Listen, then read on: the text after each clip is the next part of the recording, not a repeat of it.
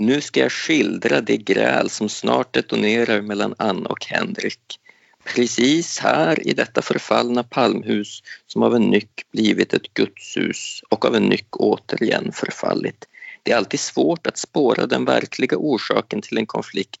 Upprinnelse och utbrott är dessutom sällan identiska, precis som mordplats och fyndplats.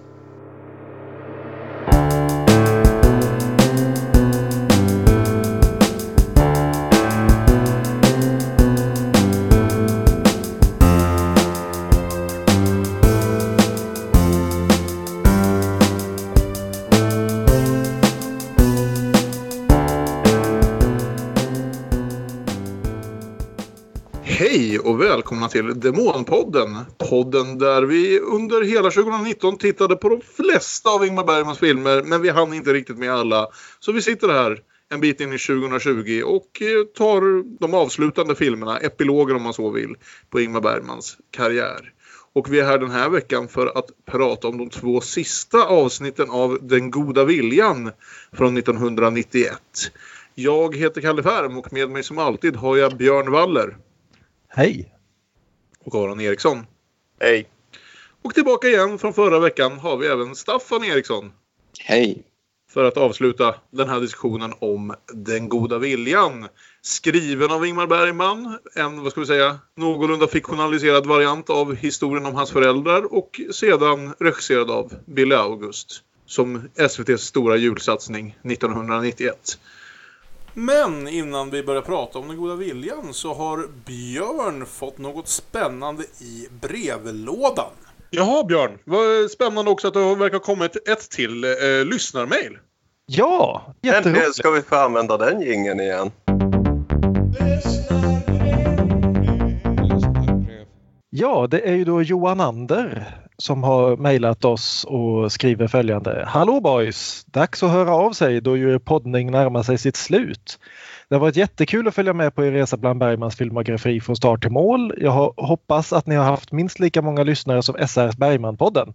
Det kan vi väl säga, avslöja här nu att det har vi inte haft. Han fortsätter. Det är ju i alla fall roligare att lyssna på er. Obs, jag gillade även Bergman-podden men tycker verkligen ni nördar ner er på ett roligt och intressant sätt samt tryfferar det hela med popkulturella äh, referenser då och då. Jag vet inte hur, eh, var det någon av er som har lyssnat på Bergman-podden? Jag har lite grann hållit mig ifrån det för att inte spoila mig inför det här. Men hur många Buffy-referenser hade de per avsnitt? Ja precis, det är Det det som var är frågan. fattigt med det. Mm. Jag Du har lyssnat, på Aron? några, Jag lyssnade ganska mycket i början. Mm. Men sen lade jag ner det någon gång i april. Mm. Efter att vi hade pratat lyssnade jag på deras. För att höja mitt eget självförtroende lite. Ja, och eh, Johan avslutar då mejlet med att dels länka till eh, sina egna tankar runt Bergmans filmografi som vi ska länka från våra sociala medier också eh, i samband med att det här avsnittet släpps. Och så frågar han vad blir nästa poddprojekt? Och det vågar vi väl inte riktigt tala om än men det finns en Demonpodden säsong 2 i görningen. Men inte, inte riktigt än bara. Nej, vi ska avsluta det här först. Vi kommer ju avsluta med som sagt en grand finale. Vi kan väl säga att det blir någon sorts sammanfattning av hela den här resan som vi ska sätta oss och försöka göra. Efter det skulle jag vänta mig en liten paus kanske medan vi planerar upp för vad en säsong två blir för något. Men vi tänker inte lägga ner, så det kan vi väl säga. Det, vi har tankar på nya storslagna projekt. Ja, så tack Johan för mejlet och eh, hoppas att alla våra tiotusentals lyssnare hänger med till säsong två också. Ja, Tack för mail. tack så mycket. Mycket roligt. Och ja, vart lämnade vi av förra veckan med Anna och Henrik? De hade ju precis bestämt sig för att flytta upp i norr efter en massa hit och dit om huruvida de skulle få gifta sig med varandra eller hur det nu blev. Så var liksom den delen av historien avklarad och de hade bestämt sig för att flytta upp och han skulle bli, och bli präst och prästhustru någonstans i Norrland. Närmare bestämt då i Forsboda Ja, just det. som i verkligheten heter Forsbacka och ligger eh, mittemellan Gävle och Sandviken. Så det är alltså i, Mitt emellan Gävle och Sandviken. ja, det är ungefär tre mil mellan Gävle och Sandviken så det är cykelavstånd till Gävle. Och idag så är det alltså i praktiken pendelavstånd från Uppsala. Ja, och så det refereras till flera gånger under det här avsnittet som vildmarken. där hedningarna bor. I, idag Fan. ligger Sveriges enda whiskydestilleri alldeles i närheten. Just ja, det är där. Är det Ja. så? Skål för. Fanns det så här höga fjäll i Gävle på den här tiden? Det känns Ja, de, de har slitits ner lite grann de senaste hundra åren. Det är alltså inte inspelat i Forsbacka det här. Ingmar Bergman tog en sväng dit och upptäckte att det var en högst modern förort idag. Det såg i alla fall inte ut som 1910. Så det, det är faktiskt inspelat i Ransjö i Härjedalen. Och där finns det så höga berg. Men eh, det, de åker ut och åker tåg igen. Det har ju varit mycket tåg än så länge i den här serien. Här får vi ett till. Och ett eh, väldigt fint ånglokomotiv. Som som sagt ser ut att åka alldeles för långt norröver. Och stannar vid Forsboda centralstation som alltså är en lastpall utlagd mitt i skogen. Och blir tagna iväg för att möta kyrkoherden. Som ju är en gammal vän i och för sig bara från en tidigare Bergman-film. Men från väldigt mycket annan svensk filmhistoria. Hans Ja, Alfredsson. Ja, nu får man se varifrån Samuel Fröler har fått sin mustasch. För, Ja, precis. Och utan skånsk dialekt dessutom, vilket är en mindre chock att höra. Absolut. Det, det var liksom ett steg för långt även i Ingmar Bergmans eh, Sverige. Att det skulle sitta en, eh, vad heter det, så, så pass skånsk man som Hasse Alfredsson någonstans långt upp i norr. Och Mm. vara kyrkoherde. För vi har ju talat mycket om det där att det där med dialekter brukar vara så jäkla viktigt. Och det kommer vi att märka under den här, eh, de här två avsnitten också att det är inte många här uppe som verkligen pratar om Gävlemål inte. Nej. Men det är fint att se Hasse som alltid. Jag tycker han har en riktigt fin liten roll här. Och jag skulle säga i och för sig, vi hoppade rätt in och startade avsnittet. Rent generellt skulle jag säga att jag känner mig lite mer positivt lagd gentemot de här två avslutande avsnitten än vad jag gjorde mot de två vi pratade om förra veckan. Vi var ganska överens förra veckan om att det stora bekymret med den här serien än så länge har varit Samuel Fröler och hans, i någon mån hans karaktär Henrik. Och att Henrik får ju en lite annan roll här. Att vi egentligen köpte honom som var liksom så här, vad ska vi säga, ung och nyförälskad för att han spelade så konstigt. Han får lite annan roll i de här avsnitten och jag tycker han säljer det lite bättre. Här får han ju mer eller mindre provspela inför Skärgårdsdoktorn. Jag kan hålla med. Samtidigt så saknar jag också att vi får färre karaktärer här. I de två Absolut. första avsnitten så eh, när Fröler svek så hade ju Max von Sydow och Gita Nörby att lyfta upp det. Och här så är det ju långa stunder bara eh, The Fröler August Show. Så är det. De är inte dåliga på något sätt men jag saknar lite grann de fantastiska sidokaraktärerna från de två första. Men det kommer några sådana i de här avsnitten också. Ska vi säga. Ja, det gör det, men visst, de är lite mer utspridda. Jag tycker det är en ganska markant skillnad mellan de två avsnitt vi precis såg förra veckan och de här två. Det känns nästan på sätt och vis lite som en uppföljare eh, att se dem uppdelat så här. För just det här med flytten till Norrland liksom gör ju att de här två avsnitten blir som en liten film i sig. Vad hände sen, eller vad man ska säga. Eh, Det är en helt ny miljö och som sagt många av sidokaraktärerna som var så centrala förra gången vi pratade om det här är knappt med längre. Eh, Även Mona Malm kommer i stort sett bara dyka upp kortfattat och så vidare. Pianoplinkandet är också lite nedspelat från förra veckan. Den hade lite andra val till musik. Men det är klart det återkommer. Det är ju så att Anna och Henrik ska klara sig själva och då blir det så att dramat ska också klara sig på, på den historien och den, det, det tvingas eh, väx, växa eh, lite mer än det fick göra i de första avsnitten där, där det ju helt klart var familjen Åkerblom som stal showen. Ja, precis. Men hur som helst, de tar med på middag. Eller Hasse bjuder med dem på middag hos Nordensson. Som spelas av... Lennart Hjulström. Just det, som spelas av Lennart Hjulström som om några år i en film jag inte tror vi kommer behandla i sin helhet men som säkert Aron ändå kommer titta på eh, kommer spela Viktor Sjöström för Bergman. När Bergman filmar teater får man nästan säga om, om skapandet av Körkarn. Är det bildmakarna det? Ja. Mm. Jaha, ja. Ja, och vi träffar även Lena T Hansson ska vi säga här som en sån här skådespelerska som jag vet att jag har sett i mycket men inte riktigt kan komma på vad. Hon är Nej, Hon hade en lång meritlista och Mm. bekant ansikte. Ingen aning vad jag har sett henne i. Hon spelar ju då kyrkoherdens hushållerska.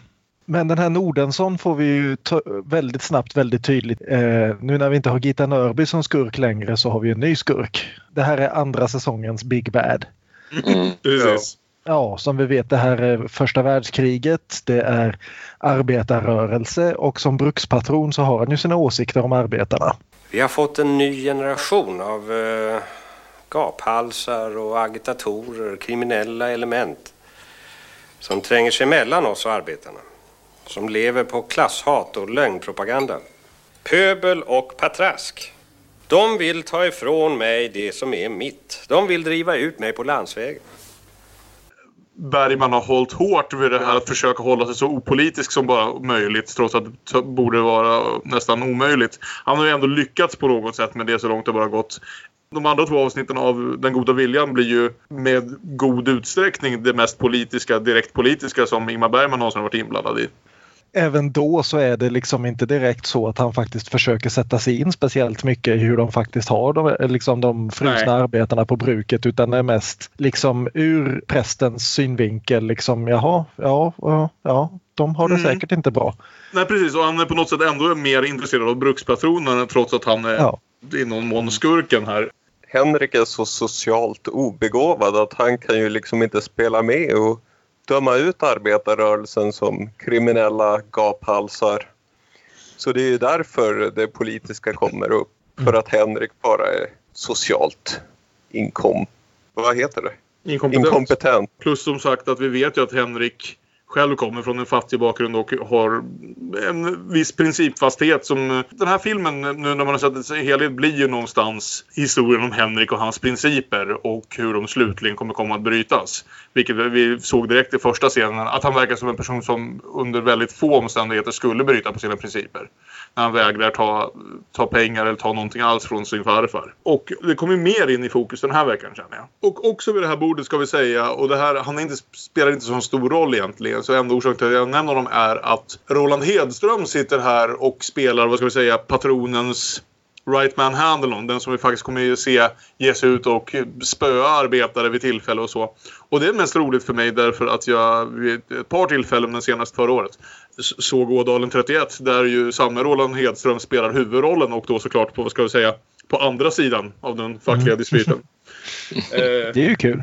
Vi har, vi har också Marie Göransson i en liten roll som eh, fru Nordensson. Och hon passar på att sätta upp en liten Tjechovs konflikt här med att nämna att hon vill att eh, hennes döttrar ska konfirmeras och att hennes make inte vill det.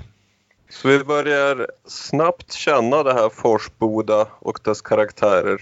Vi har den gemytlige Hasse som ju är så gemytlig som han alltid är, kyrkoherden.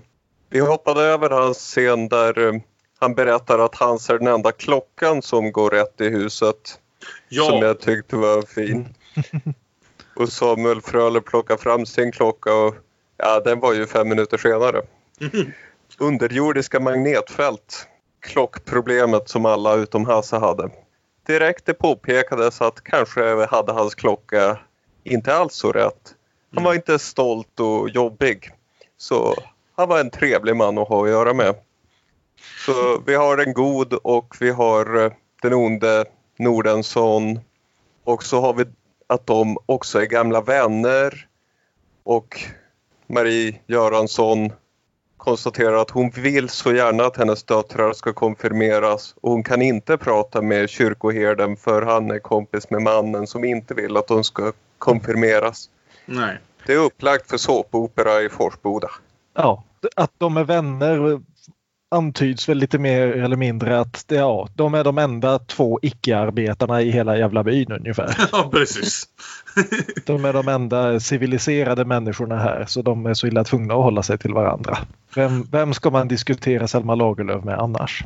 Och sen i en film som ju nu har kommit att bli någon slags verkligen persongalleri för hela den svenska skådespelareliten där många av dem bara dyker upp i en scen var. Så dyker Dynamit-Harry upp här också för att ja. visa visa av prästgården. Och jag, ble, jag blev så glad. Rolig. Det har ändå varit någonstans varit, den har haft sina små humoristiska ögonblick här och där. Kanske liksom främst när Börje Ahlstedt har varit med.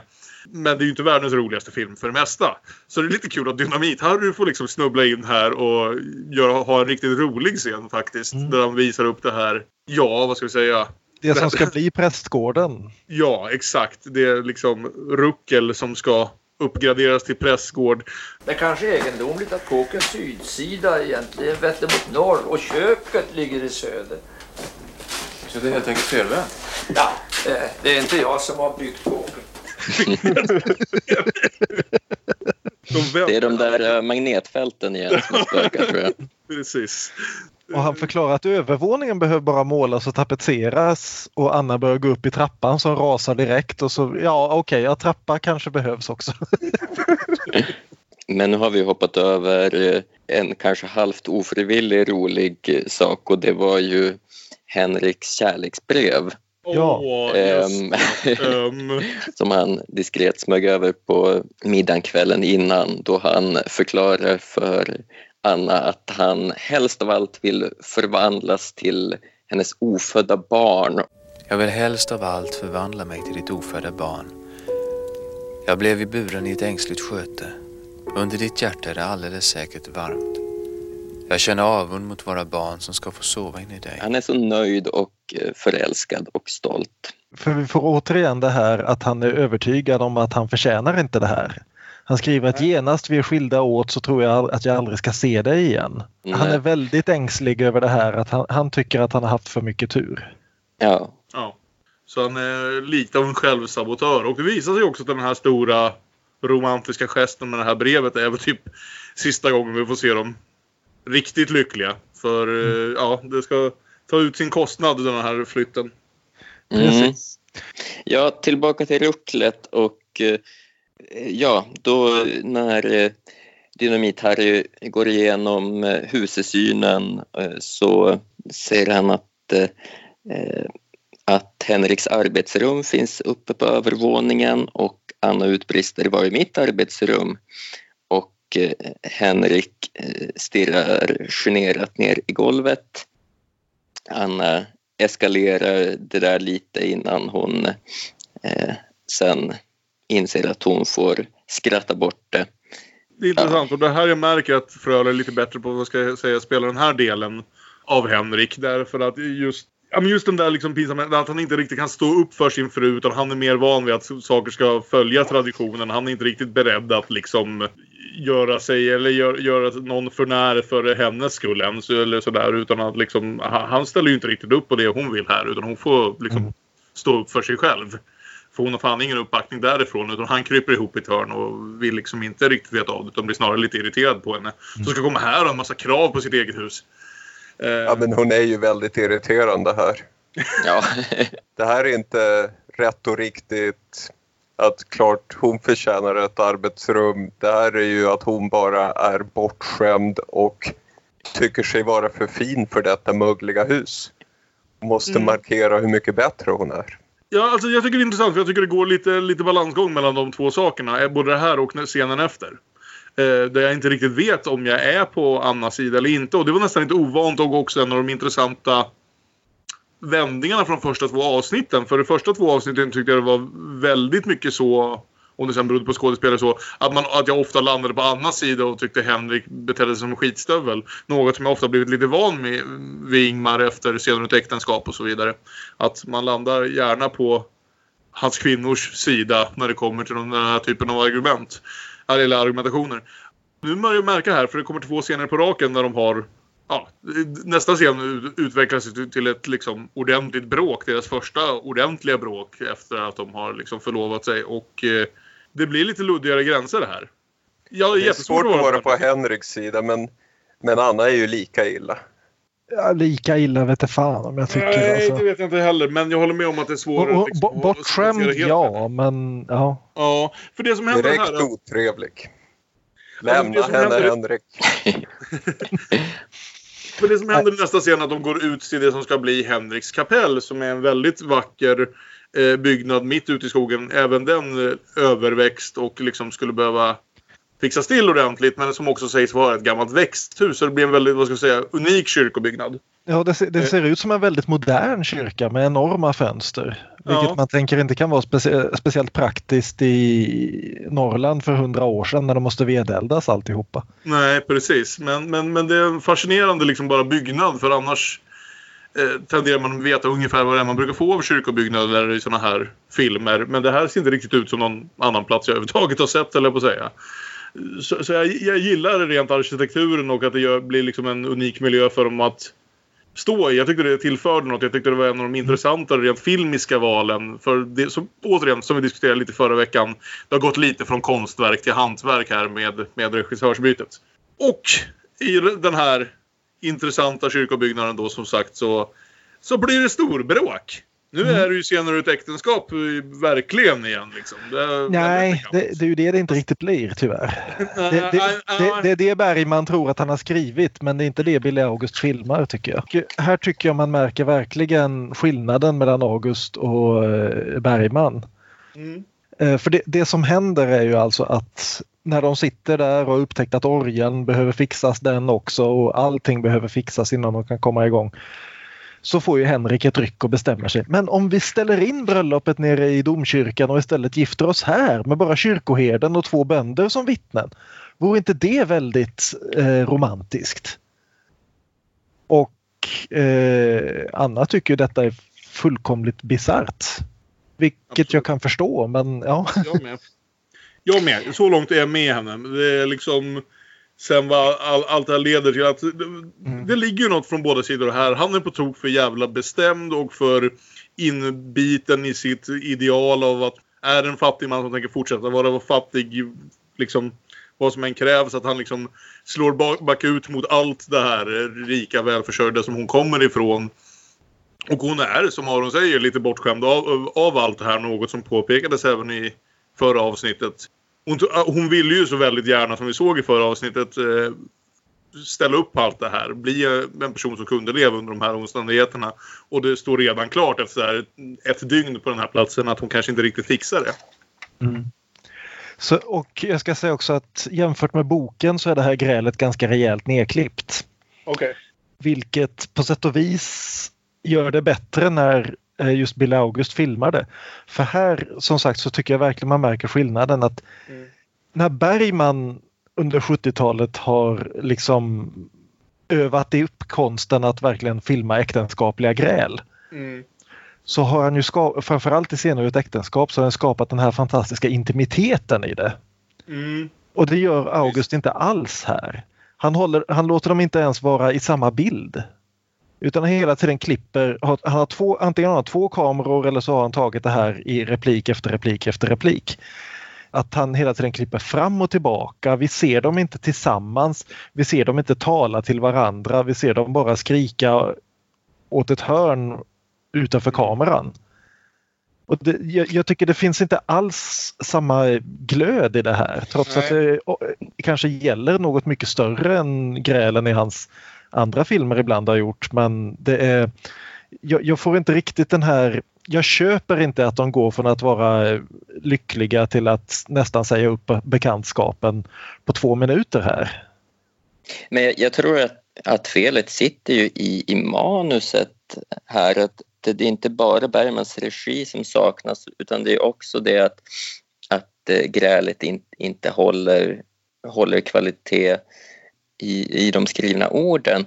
Det, jag, jag, lä, jag läste också boken inför, inför det här nu och, och han skriver att, att de ska vara åtskilda själsligt såväl som geografiskt eller någonting sådant. Och, ja, han som har varit alla tiders världsmästare i, i grälscener ger de här som barnsliga och småaktiga uttryck som att Mm. Eh, om du älskade mig skulle du förstå mig och nej men om du älskade mig skulle du förstå mig. Det, Mm. det, det är lite den nivån på det. Men jag tycker ändå att det de grälar om det är ju ändå det finns ju sprängstoff i det att, att Anna inser att det här var inte livet hon ville leva och Mm. att det blir så tydligt av, av eh, Henriks infall om att eh, ha, ha bröllopet här. Ja men exakt. Det, jag, lite känslan överhuvudtaget jag får av det här manuset ibland är ju att Bergman eh, på något sätt har tagit, eh, kanske har lyssnat lite för mycket på sina, egna, på sina kritiker. Och när han tänker att han ska berätta något som ändå i grund och botten är en verklig historia så har han valt att liksom, vad ska vi säga, tona ner det mest monologiserandet eh, och det mest teatrala och så här. Och kanske försöka på något sätt skriva, vad ska vi säga, inom citattecken, mer realistisk dialog. Och då kommer vi ner på det här lite mer banala planet. Som ju förmodligen ärligt talat är lite närmare vad de flesta äktenskapliga gräl kanske låter som i jämförelse med vad vi såg i serien Ett äktenskap. Men det gör ju inte till bättre film. Eh, Nej, och då, de har ju klippt bort eh, när Henrik håller på att citera Luther och så. Ja. så att det, det, jag vet inte om han hade lyssnat på sina kritiker så mycket. Nej, okej. ja. Men Jag kanske ska- Bill, Bill, August kanske känner att han i sådana fall, om han har gjort sådana val, tänkt att han ska försöka tona ner det mesta av den sidan hos Bergman, om det snarare är så, ur manuset. Ja, jag Två- läste också en bit av boken och konstaterade att det, det fattas ju i serien en hel del väldigt Bergmanska scener och monologer. Som jag kan sakna i resultatet. Två små saker här bara som är intressant att ta upp i det här grälet. Det är ju att i början här när, när de då först har skrikit åt varandra och sen satt sig i varsitt hörn och funderat. Så säger ju Anna då, kan du förlåta mig? Du måste förlåta mig. Och det gör han aldrig i scenen. Nej. Det enda, enda är att de kommer fram till att de måste vara försiktigare vad de, vad de grälar om. Mm. Eh, och det andra är att vid något tillfälle här när känslorna går som högst så försöker hon då krama om honom och han viftar ut med handen och mer eller mindre råkar klappa till henne. Och Bille August har här dubbat in ljudet av ett knytnävslag från en Rocky-film tror jag. Det, det, det är väldigt... Det, det låter som om han dragit till henne i solar plexus ungefär. Eh, och det är inte riktigt det som vi ser hända. Det är lite konstigt. Det är liksom, jag tycker det finns starka bitar av den här scenen, men det är som att den hela tiden missar målet lite grann. Och, eh, nej, Ja, det är här jag Ja. känner verkligen att jag gillar ju inte någon av de här två. Nej. Det blir lite bättre sen, men, men lite svag i mitten här på avsnitt tre. Det, det är lite jämnare mellan dem. För de första två avsnitten spenderar ju bara med att ogilla Henrik och vara helt okej med Anna. Men nu har de liksom dragit ner Anna några snäpp igen. Så att, eh, i och för sig- alltså jag tror mycket av det här är också medvetet i och för sig. Att det ska handla om karaktärsutvecklingarna som vi ser. Vi har förflyttat Anna till en ny miljö där hennes höghet och frakt eh, kan eh, bli någonting konkret istället för någonting som bara kunde anas abstrakt tidigare. Hur som helst, det blir klart att Henrik går med på hennes krav i just det här fallet. För vi klipper direkt till domkyrkan i Uppsala. Mm. Och en bröllopsscen. Eh, som är en trevlig bröllopsscen men inte något sådär. Särskilt innan vi kommer in i nästa scen och får träffa Gita Nörby och, och Börje Ahlstedt igen. Mm. Eh, lite kort bara ur boken här att Bergman har här en ganska intressant utläggning om att framförallt på sin mors sida så är liksom alla stora evenemang ganska väl dokumenterade med foto fotografin. Mm. Eh, för det är ju ändå trots allt i den här liksom 1914, 15, 16 så där så har ju liksom kameran är ju en borgerlig grej som folk har helt Mm. plötsligt. Och de har fotograferat väldigt mycket men just från hans föräldrars bröllop finns inte en enda bild. Mm.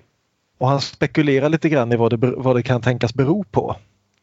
Men kommer väl inte fram till någon helt trovärdig slutsats. Och jag hade väl hoppats att de på något vis skulle väva in något av detta här men eh, nu är liksom Henrik under hela den här bröllopet en sån icke-karaktär så det är svårt Ja, att säga.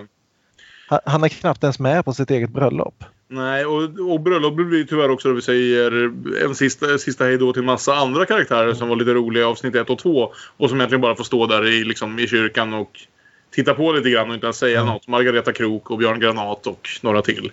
Eh, som inte får en enda replik här, men de får i alla fall synas. Så det är då man inser precis hur mycket bra skådisar som har varit i den här filmen när man verkligen bara dyker upp och försvinner igen. Men vi får ju en väldigt fin scen med Börje Ahlstedt just i alla fall. Eller först får vi en fin scen mellan Pernilla August och Gitta Nörby. Mm. Som väl mest bara finns där för att tala om att hon satsar ännu hårdare på Henrik nu. De ska inte ens ta emot den här bröllopsresan som mamma har köpt åt dem. Nej, exakt. Det verkar väl nästan vara lite vad hon fick ge upp om hon nu skulle få sitt Ja. bröllop ens. Precis. Liksom. Och hennes mamma tycker hon kompromissar för mycket och eh, hon talar om att ja men Henrik har minsann också fått kompromissa men jag tänker inte säga vad det gällde. Men, men sen kommer Börje Ahlstedt in och är så kär i sin lilla syster så det är ju bara fint. ja. Ja, det är jättefint. Full såklart, kommer in med ett glas av okänd brun dryck i handen, lägger sig över några stolar på ett sätt som inte ser så här utmärkt bekvämt ut men ändå ganska charmigt. Och ja, bara beundrar henne för han förstår att de inte kommer ses så mycket framöver. Du motsäger meningslösheten. Just nu och i denna sekund, lilla syster, motsäger du vintergatornas isiga meningslöshet och universums obarmhärtiga tomhet. Det, ja, det är fint. Ja, och det gillar jag. Mm. Det är en av de bästa enskilda replikerna. Det är inte konstigt att det är Börje som får dem. Får Det dem. ska jag säga på nästa bröllop jag går på. Mm. Mm. Men sen så får vi ett montage. Vi får en hel del montage i de här två avsnitten. Ja, det är sant. Det är mycket tid som ska avhandlas. Mm. Så vi får montage över livet i Forsboda, predikan, bruk, sköta om sjuka eh, människor för hon är ju sjuksköterska. Ja, huset är fint nu. Ja. Det has sex och det skalas potatis och det föreläses i skolan och det föds Dag Bergman. Och i början av montaget var det väldigt glest i bänkraderna i, i kapellet och mot slutet är det fullsatt och några får ståplats för att rymmas. Precis. Det? Henrik är i skolan och berättar om bröden och fiskarna för skolbarnen. Och det här man kan känna igen Marie Rickardsson redan nu som skolfröken om hon har ögonen med sig. Sen så hade jag inte riktigt det så jag insåg inte att det var hon förrän en stund senare. Men Och vi får eh, en liten scen där vi, vi kör lite Så ska det låta i kapellet där. Där då Anna spelar små melodier och han ska säga vilken psalm det är men sen när hon spelar Delsbovalsen som de dansade till på bröllopet så har han, eh, har han aldrig hört den låten. Va? Nej, dansade vi till den? Nej, det har jag inget minne av. Så han var verkligen inte närvarande på sitt eget bröllop. Nej. nej, nej, precis. Och så blir det lite socialistbråk på bruket. Mm. En man har fått sparken för att han antingen för att han jämt är full på jobbet eller för att han har läst Marx och är väldigt vältalig. Mm. Och arbetarna vill organisera sig men de har ju ingen lokal. Det behövs fler fritidsgårdar. Precis, så Henrik erbjuder dem att hålla till i kapellet istället. Han är Men- en sann själafiskare. Ja, Och här hoppades jag någonstans att vi faktiskt skulle få lite mer av den här politiska dispyten annat än som bakgrund. Men tji fick vi.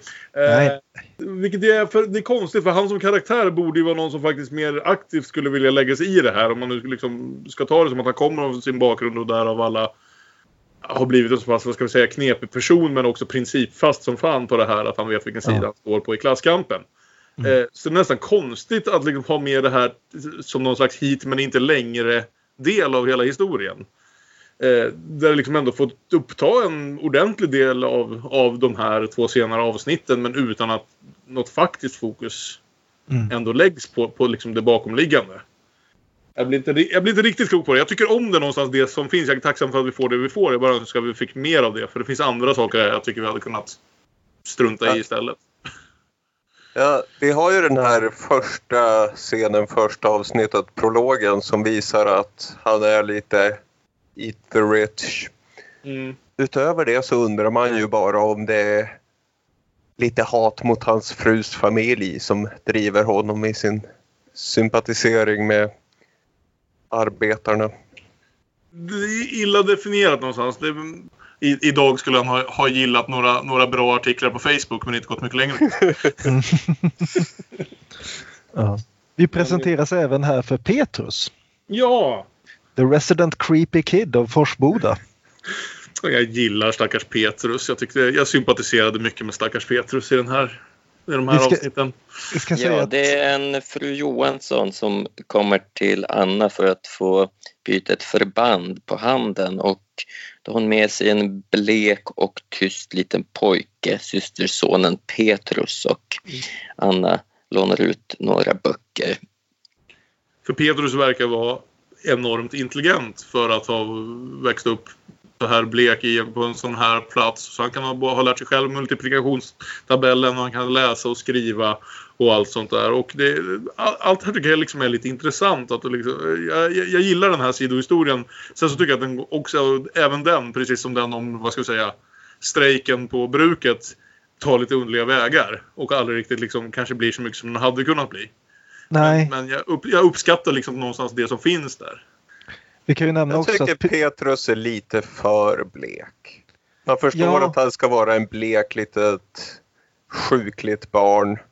Men han är ju för blek. Jo, jo, alltså det är ju en vampyrunge, inget snack om saken. Han, han äter ju blod om nätterna. Men det är ju... Men du sympatiserade med det. Ja. ja, det är väl... Herregud, Det- du, vet väl, du vet väl vart jag kommer ifrån i mitt filmtittande. Vem tror Jag kommer sympatisera med vampyren. En Kirsten Dunst-karaktär. Vi kan ju nämna också att eh, Petrus spelas av Elias Ringqvist, numera känd som hiphopparen Shy. Och sa- samtidigt som det här så fick han också rollen som Sune i Sunes jul. Men då klev eh, Billy August och eh, Ingmar Bergman in och förbjöd honom att ta den rollen för de tänkte att du kan inte spela både Sune i Sunes jul och spela Creepy Kid i en tv-serie som ska gå på jul. Det går inte. Det är ju samma jävla år, ja. Det är klart. Ja. De hade ju gått direkt. Han hade ju verkligen, det hade, det gick ju med andra ord en dag från sista året av Sunes jul till första avsnittet av Den goda viljan. Precis. Det hade ju varit hur sjukt som helst. Jag brukar inte ha mycket för sånt här när regissörer hoppar in och ska maktbestämma och säga att nej, du får inte ta den här andra rollen. Jag brukar hata sånt. Den här gången förstår jag det fan. Det hade ju varit en väldigt snygg crossover alltså. TV-hallåan alldeles efter sista avsnittet av Sunes jul. Och vill ni veta vad som hände med Sune efteråt då ska ni titta imorgon klockan nio på kvällen. Ja, sen kommer Nordensson tillbaka in i filmen och eh, är fortfarande inte glad på någonting alls. Henrik får visa sitt klassförakt på små sätt och återigen, jag kan uppskatta sånt. Så här får ta med fan Nordensson trots att han bestämmer allt över alla på den här platsen. Sätta sig på en bänk och ingen bryr sig väl egentligen om att säga åt honom att han inte borde, eller de bör inte bråka om att han inte borde röka där inne. Men, men han i alla fall får vänta på sin tur ända tills Hasse kommer och säger det. Men det ska man väl inte alls behöva göra. För Henrik sitter upptagen med en av de vanliga människorna. Och tänker inte liksom göra avkall på den saken för att, för att prata med, med Nordensson i första hand. Det jag gillar med det här samtalet det blir det är ett antal grejer här i avsnitt 3 och 4 som speglar scener i avsnitt 1 och 2. Och det här är ju ganska jag vet inte om jag ska säga att jag gillar det i och för sig men det är intressant hur det liksom speglar väldigt mycket samtalet som Henrik har med fru Åkerblom i slutet av eh, avsnitt 1. Mm. Det är det här när hon kräver att han ska åka hem och bara skriva ett brev till Anna och sen aldrig höra av sig igen. För det är återigen den här diskussionen om att han hävdar att det finns ett andligt liv och eh, han svarar jaha, finns det ett sånt? Vart finns det då? Jag har aldrig sett något minsann. Jag gillar de här sakerna. Alltså jag tror att det är mycket i att jag tycker Julström är jävligt bra i de här scenerna. Men jag tycker också visst, det är inte den mest mångdimensionella karaktär som Bergman någonsin har skrivit. Men han är inte helt ointressant ändå. Han är inte bara en skurk. Han ges lite sidor här. Så jag tycker ändå att, att scenerna med Nordensson är nog några av de bättre i dem ändå. Mm. Måste jag säga. Han får komma in. Absolut. Ja. Äntligen en karaktär man bryr sig om. Ja, det är lite som att hela den här eh, arbetarrörelsekonflikthistorien finns med för att konflikten mellan Nordensson och Henrik ska ha fler bottnar. Man vet aldrig riktigt var motiven sitter, om de är för Nordensson när de är privata och när de är affärsmässiga. Eh, så visst, det är väl lite intressant att det blir en film om en facklig konflikt där den enda vi egentligen lär känna är brukpatronen. Men man märker att, att det inte är en Bo Widerberg-film. Nej, det märks väldigt tydligt. Och han, får- han får ju också den här härliga repliken Jag påpekade bara att jag är emot det där hysteriska slaskandet med Jesu blod. Ja, det är en fantastisk replik.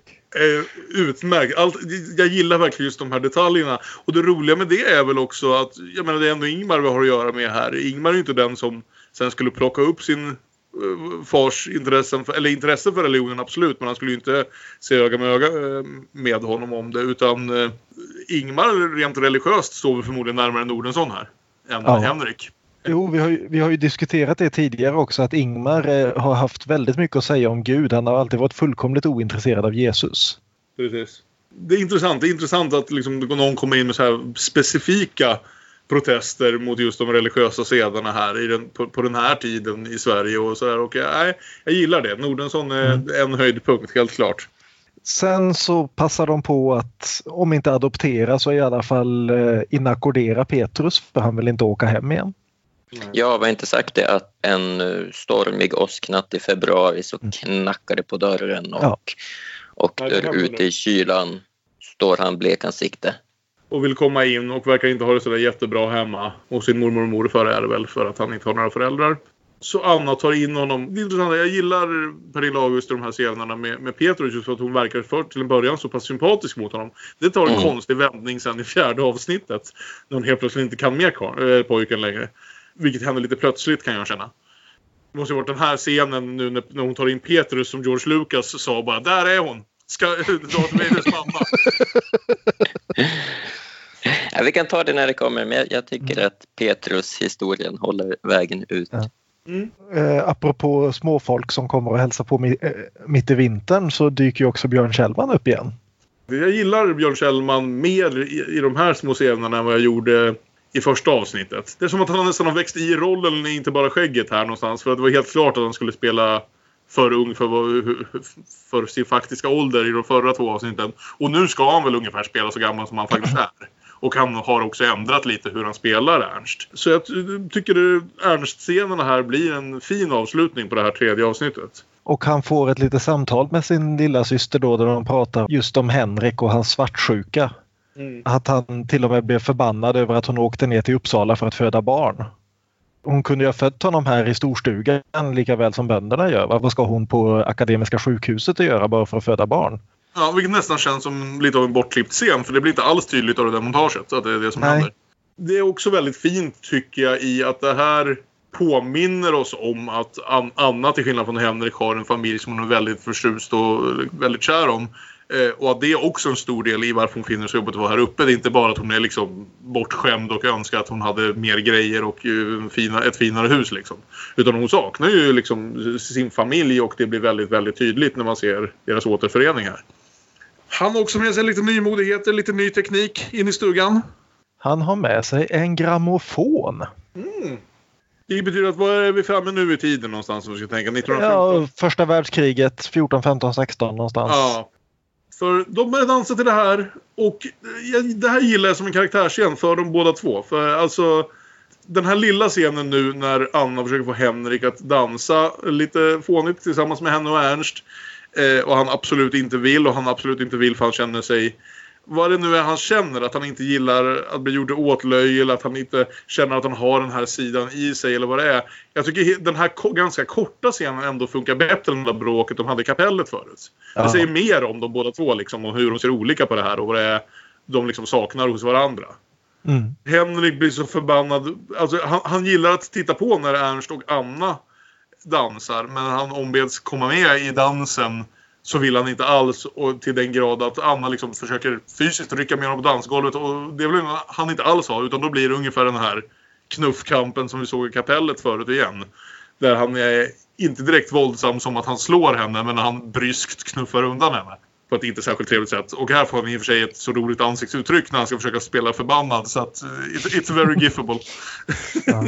Vi, vi kan ju nämna också att det de dansar till är ju då de senaste beatsen från New York. Vad är det han Eh. kallar det? Han kallar det för one step va? One step, ja. Som är nästan som dubstep fast inte. Eh, Per Gessle skulle en dag skriva en låt om den här scenen. Henry, dansa inte disco. Och, när det här lilla eh, bråket har hänt så gillar jag verkligen att Björn Kjellman försöker liksom lätta upp stämningen och säger att ah, det, är inte, det, det är inte alla där hemma som gillar one step heller. det tycker jag också en av de roligaste ögonblicken i det här. Det är one step som är det problematiska här. Ja, precis. men, men det är ju just det här att han lyfter fram att det är det som lyssnas på i New York. Det blir ytterligare en påminnelse liksom, både till Anna och till Henrik som ser att Anna blir påmind om det. Hur långt bort ifrån ära och redlighet de faktiskt är. Två Gillar mil från Gävle. En annan detalj jag verkligen gillar här för att det är lite annorlunda från när de flesta filmer eller serier skulle ha gjort det är att när han går ut ur stu- stugan så väntade jag mig bara att ja men här är avsnittet slut. Men sen att han får komma in igen och liksom har det har bara tagit honom en minut att inse hur, hur absurd hans reaktion var. Eh, och kommer in och blir lite självömkande och sätter sig och börjar någonstans någonstans självanalysera, någonstans inse precis hur svår den här det här förhållandet kan komma att bli. Och jag tycker det var en finare punkt att sluta det på än bara Ja. med att de smäller i dörren. Det är jag som är en idiot. Jag har väl anlag för svartsjuka. Vi vill ju bara leka lite. Jag är väl en lekförstörare. Kan inte hjälpas. Vi får inte glömma att hela det här projektet är ju Bergman som ska rehabilitera sin far lite grann så lite sympatisk måste han vara även i det här läget. Ja, men han, han verkar ju som ännu mer omöjlig att leva med när man får se honom komma in och tycka synd om sig själv över sin omogna reaktion. Att det blir liksom ännu mer plågsamt att se än hans lilla utbrott över att inte vilja dansa. Men det är i alla fall ett ögonblick som känns som ett riktigt ögonblick till skillnad från lite andra så här, som kändes lite nästan opersonliga på något sätt som del av Mm. väldigt många andra filmer. Jag gillar det ögonblicket som ett karaktärsögonblick. Jag tycker överhuvudtaget som sagt att hela det här avsnittet har Fröler gjort ett mycket bättre jobb i för hans karaktär har liksom fått förändras lite här. Han ska försöka vara, han ska inte längre vara någon liksom ung, ung student som är nykär och sådär vilket Fröler inte sålde alls utan nu ska han ha blivit lite äldre, försöka ta hand om de här vuxna sysslorna och det, det, det passar honom lite bättre. Det finns absolut snedsteg här, kanske framförallt den här kapellbråket. Överlag skulle jag säga att jag gillade avsnitt tre. För mig förmodligen bättre än, än det vi har sett tidigare som, som en helhet bara för att jag finner den här delen av förhållandet mer intressant tror jag än, än just vad ska jag säga själva förförelseakten eller vad man ska säga. Jag tycker det är lite väl mycket transportsträcka inför det Mm. som komma skall. Jag, jag kan förstå att, att avsnitt ett och två blir så bleka om man nyss kommer från Fanny och Alexander men eh, Eh, jag tycker att eh, hela den här um, Åkerbloms familjehistorien i de första avsnitten är, mer njutbar än, än just avsnitt tre. Men, men jag, jag tycker om eh, det, det, som, det som väntar. Men jag tror att jag bara blev lite glad över att känna att jag efter två avsnitt med roliga sidokaraktärer och bleka huvudkaraktärer här någonstans ändå började någonstans engagera mig lite i deras förhållande. För det hade jag väldigt svårt med i de första två. För det kände jag nog ändå den där kapellscenen till trots att jag, att jag började göra. Jaha, ska vi dra igång avsnitt fyra? Det avslutande avsnittet. Ja, Tvätta kläder med Anna och Henrik. vi får ett montage till helt enkelt. Ett vårstädningsmontage. Och vill säga- återigen kan man ju säga att de ser väldigt lyckliga ut. Den här första tiden med Dag skildras ju ändå som trots eh, vissa krusningar på ytan så är det ändå en idyll i Forsboda för det mesta. Ja, och särskilt när vintern har tagit slut som de nämner. Det var en hård och kall vinter. När, när Björn Kjellman dyker upp och säger de att det har varit minus 30 och liknande och så här. Och att det är ju väldigt ovant såklart för Uppsalaborna. Så nu är det vår och Hasse kommer på besök med förhoppningsvis goda nyheter eller hur han nu uttrycker det. Och det här är ju, alltså det här gillar jag för det här är lite mer av en, en riktig sideplot eller vad man kallar det. Alltså det är inte bara att det liksom lunkar på på samma sätt som gjorde under förra avsnittet. Utan det händer faktiskt något som liksom vrider om handlingen ett halvt varv. Mm. Och som i filmen kommer väldigt mycket som Deus ex machina eftersom Bill August av någon anledning har klippt bort den scenen där det här sätts upp. Åh fan, spännande! För det som händer är ju då att kyrkoherde Hasse kommer och erbjuder eller vidarebefordrar en erbjudan om jobb som sjukhuspräst på Sofiahemmet i Stockholm. Därför att ärkebiskopen har föreslagit Henrik. Och då inställer sig frågan hur känner ärkebiskopen den här fattigprästen från Forsboda? Mm. Jo, därför att i boken finns en ganska fin scen där eh, Henrik, Henrik på det här allra första stället där han föreläste som mer eller mindre eh, lärling alldeles efter att han hade prästexaminerats Mm. eh, så springer han ihop med eh, Nathan Söderblom som ju på den tiden var allmän teolog och psalmförfattare och sen några år senare, 1914, utsågs till ärkebiskop. Okej. Och de har då ett väldigt, en väldigt intressant och ganska fin liten diskussion där man får intrycket att Henrik gör ett större intryck på Nathan Söderblom än han själv förstår att han gör. Jag som trodde sån- att det var Annas familj som hade jobbat i bakgrunden. Det var nästan vad jag antog också alltså. Det låter väl egentligen mer sannolikt utifrån det vi vet om verkliga historien bakom. För det känns lite osannolikt att Nathan Söderblom som ju sprang omkring och stötte på unga präster 365 dagar om året. Inte för att jag vill antyda något om Nathan Söderblom men Stötte på, inte stötte på. Ja precis. Nej men det känns det- ju lite osannolikt att han skulle komma ihåg det fem år senare utifrån ja men hur som helst Men så Henrik är det Bergman var ju ändå, hade ju ändå ganska mycket Ingmar Bergman i sig så man kan förstå att, att han kunde göra intryck på folk. Ja, Ja. En som också hade ganska mycket Ingmar Bergman i sig var Nathan Söderblom. Som i boken, och det här var vad jag menade med att en del Bergmanska utläggningar hade strykits av den gode Bille. Han pratar ju om hur Mozart, Gud visar sig i Mozarts musik. Detta bekanta tema som Ingmar lagt ut för oss några gånger om hur konsten ger oss en bild av det gudomliga. Och Bach är närvarande när vi lyssnar på Bach och Gud är närvarande när vi ser hans skapelse. Mm. Och det är ju något som då tas upp lite mer i den här följande scenen. Jag tycker just deras reaktion på det här erbjudandet är väldigt eh, intressant därför att Anna blir ju enormt lättad och det är liksom Åh, äntligen kommer vi härifrån! Äntligen den här vägen ut! Medan Henrik blir visserligen väldigt glad men också säger direkt att ja, det låter ju som en väldigt fin dröm. Det är inte bara liksom de råder dig att kanske söka det här jobbet utan det är verkligen du är öronmärkt för det här jobbet, du kan inte tacka nej. Och han Eh. direkt börjar förutsätta att ja, nej, men det här kommer ju att skita sig förstås. Ja, fast jag tycker ändå att han mest gestaltar det här som att han liksom spritter av glädje. Ja, ja. Även om han är kluv, kluven så man hade kunnat befara att Henrik skulle ha reagerat ännu mer plågad och eh, inte, Ja. inte kunna glädjas åt det här. Nej, exakt. Att vi skulle få samma Henrik som i första scenen i serien direkt som tackar nej på ren jävla princip direkt. Men det gör han inte. Utan han sitter där i sin tröja som är något av det värsta mänskligheten någonsin har skapat på en... det är så, så illa att hans fru också i och för sig i scenen kommenterar den. Men den är fascinerande i alla fall. Jag bara gillar den därför att den också sätts mot att de andra två i serien är så väldigt stiliga och uppklädda. Även om det ska vara liksom en vanlig vacker sommardag. Men, men här får ju också, vad heter han nu, stackars Petrus en sån fin stund. Petrus får ganska många fina stunder här faktiskt. För den som inte blir glad över det här erbjudandet såklart är ju han. När han hör vad de pratar om och inte kan glädjas på något sätt över det här. För han förstår ju vad det betyder för honom. De kommer ju aldrig ta med honom på någon stor flytt till Stockholm liksom. Nej, vampyrjägarna är så vanliga i storstan. Men så åker de ju då iväg till Stockholm och dricker te med drottning Victoria. Och det här tyckte jag också var en ganska fin scen någonstans. Det, är också kul att bara se dem göra något annat. För som sagt, ganska mycket började det bli en serie om vardagslunken för det här paret någonstans. Så det här bryter ju verkligen av hela det här. Det blir ett helt eget litet segment. Eh, som jag verkligen uppskattade vid den här punkten.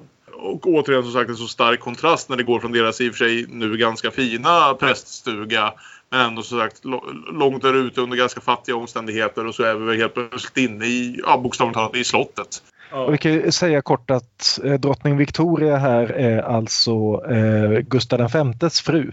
Så man kan förstå att hon är lite bitter. Eh, och eh, alltså vår nuvarande kungs farfarsmor.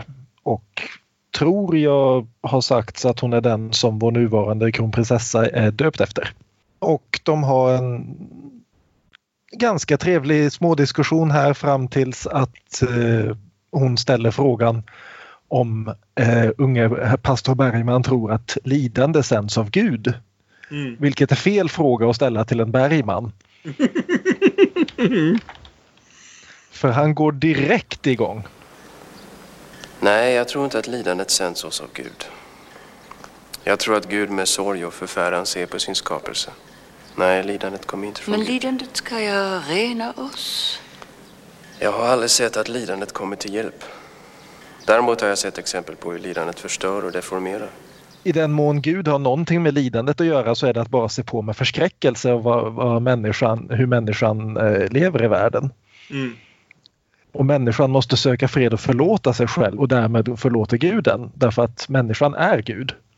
Precis. Återigen så ställer vi det frågan varför i helvete Henrik Bergman vill bli präst överhuvudtaget. Jo, det där var ju vad han lärde sig av Nathan eh, om Ja. nattvarden. Jo, det är ju det, men nej, nej, men som sagt, det är ju snyggt återknytande till det som han och Nathan Söderblom pratade om i boken, inte i filmen. Och sen så Men- har nattvarden kallat hysteriskt slaskande med Jesu blod. Så det är mycket nattvard eh, det talas om här. Även om det inte alltid märks. Mm. Eftersom det ibland inte är med. Och jag ska också säga, för att det är kul att påpeka, för det dyker upp några gamla vänner i den här filmen som sagt. Men att drottning Vic- Victoria då spelas av Anita Björk som vi senast såg som en av de fyra kvinnorna som väntade i Kvinnors väntan. Just ja. Ja. Och Anita Björk ska sen ta rollen som Annas mor i någon av uppföljarna som, som kommer.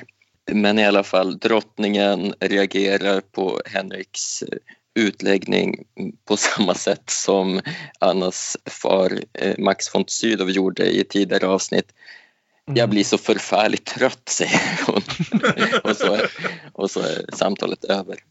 Han har liksom den, den förmågan, Henrik Bergman. Han kan få gamla människor att bli trötta. Väldigt fort genom att behöva tänka på stora frågor. Ja. Det här tycker jag är lite problem att vi har ju här, nu ser jag inte exakt vem han, vem han är som spelar den här andra prästen som är med här som då är eh, drottningens privata präst. Bertil Nordström. eh, som Bertil var Nordström är det, ja, just Ja, det. Mm. som var her- herr Arne i Scener ur äktenskap i den där korta scenen när han läste Expressen om Göta kanal. Just ja. Jaha, Eh, i, I boken så är den här lilla eh, sakerna, sakerna han säger till dem medan han skjutsar ut dem ur drottningens gemak eh, känns väldigt mycket mer nedlåtande än vad det gör här. Här, här spelar han den, den här scenen alldeles för vänligt tycker jag. Nej, men jag, tycker det, jag tycker det är helt rätt. Jag tycker att, att det blir jättebra i filmen att han tar det här bara med en axelryckning och säger eh, Jag gratulerar till en utomordentlig om en ytterst oortodox provpredikan. Det gjorde uppenbarligen intryck på den höga damen. Ja, det är nya tider nu minsann. Nya tider. Mycket kärvt och friskt. Gud sörjer sin skapelse. Ja, varför inte? Djärvt personliga tolkningar har blivit tidens mode. Jag tänker på om jag i min ungdom skulle ha yttrat något liknande. Nej, här står jag och flamsar. Adjö, fru pastorskan. han, han tycker mycket ska man höra. Eh, och, eh, och, att, och att han bara tar det med en sån axelryckning och med ett, eh, ett litet skratt och klapp på axeln gör ju att man förstår hur provocerad Henrik blir. För, för att sen så tågar han iväg och ropar nej, nej, nej, nej, nej. Och han inser att, att allt i storstan är trams och förställdhet och han vill hem till Forsboda. Ja, Och där händer ju en tagning som man direkt ser på den att det här är ju på något sätt den stora bilden. Det här måste varit extremt komplicerat att få till. Det är en lång scen mitt ute på Stockholms gator med massor med statister som Mm. måste vara rätt och liksom som håller på en bra stund. Det var en hel lång dialogscen. Jag tror allting här är i en enda tagning dessutom. Så det här är lite lätt bara filmtekniskt imponerande att få till. Mm. Allt det här tycker jag är bland det bästa i hela serien. De ställer upp sina tävlande drömmar och man märker hur olika det är. Och hon pratar om allt de önskar sig och han säger Det blev ju som vi drömde. Nej, Henrik.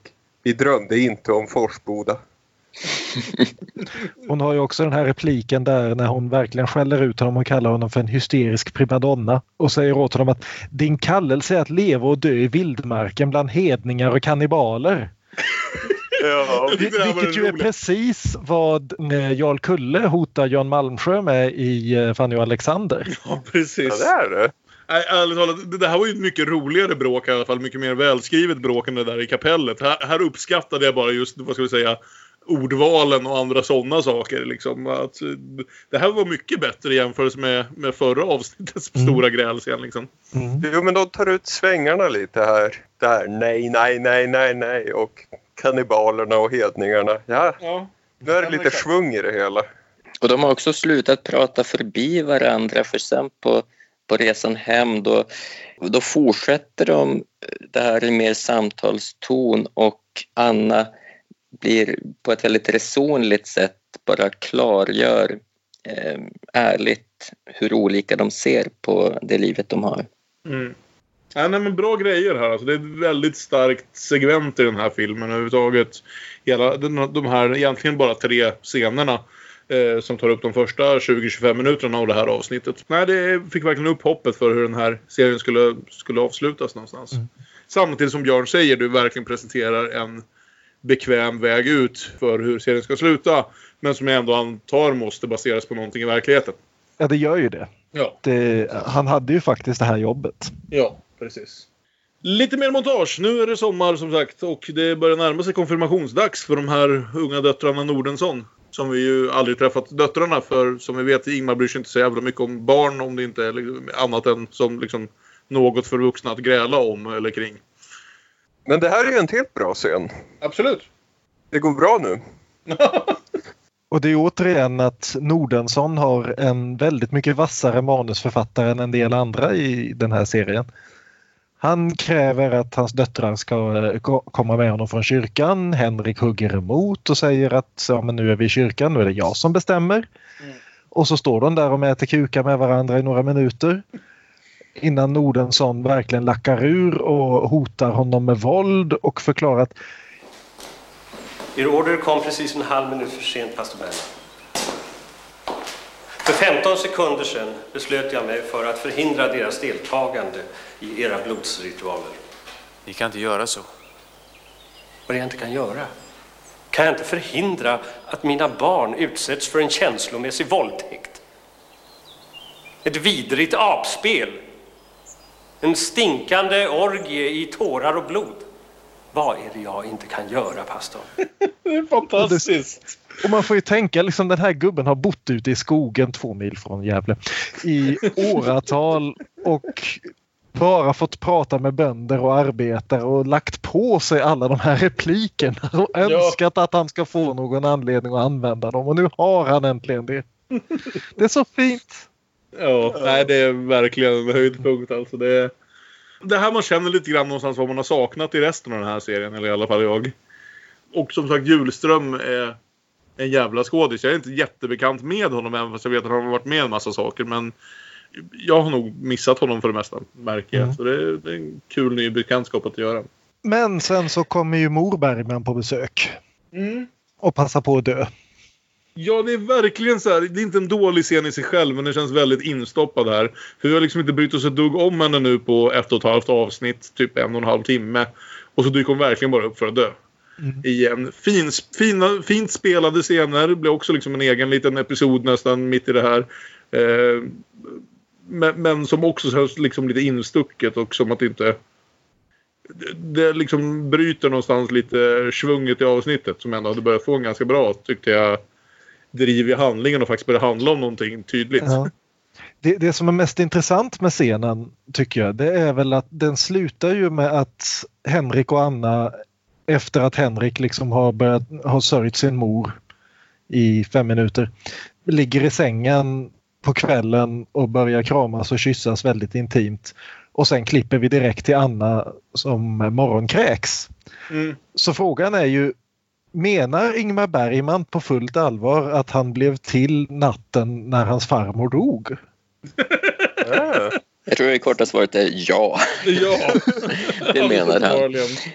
På moderns dödsbädd så fick han också lov att aldrig lämna Henrik. Mm. Som om det inte fanns nog med uh, foreshadowing för vad som komma skall. Det finns dock en sak för det är Anna som är med när eh, modern Alma dör. Men eh, när hon ska berätta för Henrik tycker jag att det görs fint. Mm. De små huvudskakningarna dem emellan. Okej, okay, mm. nu är det här ett par som jag bryr mig om. Mm. Ja, och eh, Samuel Fröler tycker jag eh, ja, gör, gör det där jättebra och, mm. och att vi pratade lite i seriens början om hans konstanta underspel och eh, ständigt sura min. Men här är han ändå de små medlernas eh, mästare och eh, ja, jag, jag, var beredd på att jag skulle behöva ägna hela kvällen åt att försvara Samuel Fröler mot elaka påhopp. Men, men, men nu har ni varit sagt snälla saker om honom så ja, Samuel Fröler stor Bergman-skådis. Kanske den största. Ja, tillbaka till Anna som kräks alltså. Mm. Hon är ute där och hugger lite ved. Mest för att hon är arg. För hon vet ju att hon kan hämta ved. Och så kräks hon. Och Lotta ropade direkt. Nu kommer Ingmar!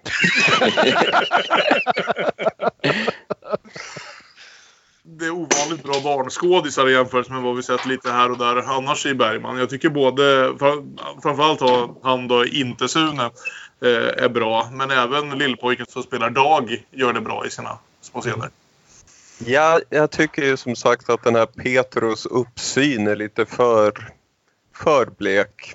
Mm, För att man ska jo. kunna ta skådespelarprestationen på någon slags allvar. Men ja, utöver det så, så är han väl okej. För att vara ett barn. Men kan vi nu gå vidare till det jag nästan är benägen att utse till om inte hela filmens bästa scen så i alla fall definitivt bästa scenen i hela avsnitt 4. Vi såg ju i avsnitt 3 att han har börjat hålla sådana här högläsningskvällar. Mm. Det Där han, smockat med folk. Ja, Varenda precis. stol och pall och liksom golvyta täckt med tanter som ville, ville sitta och sticka lite grann och lyssna på Bibeln.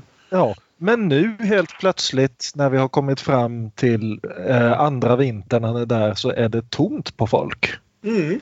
Det är knappt ett halvdussin tanter där. Jag tror det är tre äldre damer och så Marie, inte Göransson, Marie, Marie Rickardsson. Ja, och vilka är de då de här tre äldre damerna? Nu har vi liksom kontinuitetskavalkad här. Det är alltså Barbro Kollberg som vi känner igen från Det regnar på vår kärlek. Det är Inga Landgré. Hans allra första leading lady liksom. Jajamensan. Ja. Och Emil Storm som inte har spelat med Bergman tidigare men som alla känner igen som Emils mamma. Ja, det Ja. Som inte jag har en helt övertygande nor- norrländska utan närmare specifikation. Här spräcks, eller ja, här borde Henriks eh, illusioner spräckas rätt rejält och det är väl poängen att de inte spricker är liksom Mm. det som sätter upp den sista konflikten i det här. Mm. Nämligen att han frågar dem då "Va- vart har alla tagit vägen? Varför är det ingen som kommer på de här träffarna längre? Och de här gamla tanterna efter mycket påtryckningar och hot och alltihopa äntligen då talar om för honom att ja, Nordensson har väl mer eller mindre hotat att frysa ut alla kärringar som fortsätter gå på kärringpastorns kärringtorsdagar.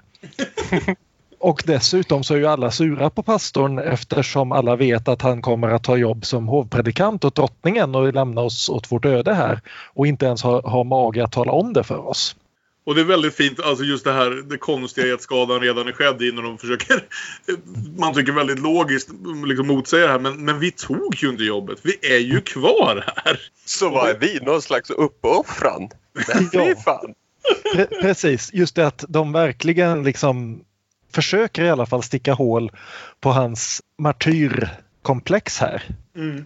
Mm. Att han är ju verkligen den här arketypiska vita missionären som liksom har nedlåtit sig till att leva bland vildfolket för att bibringa dem Guds ljus.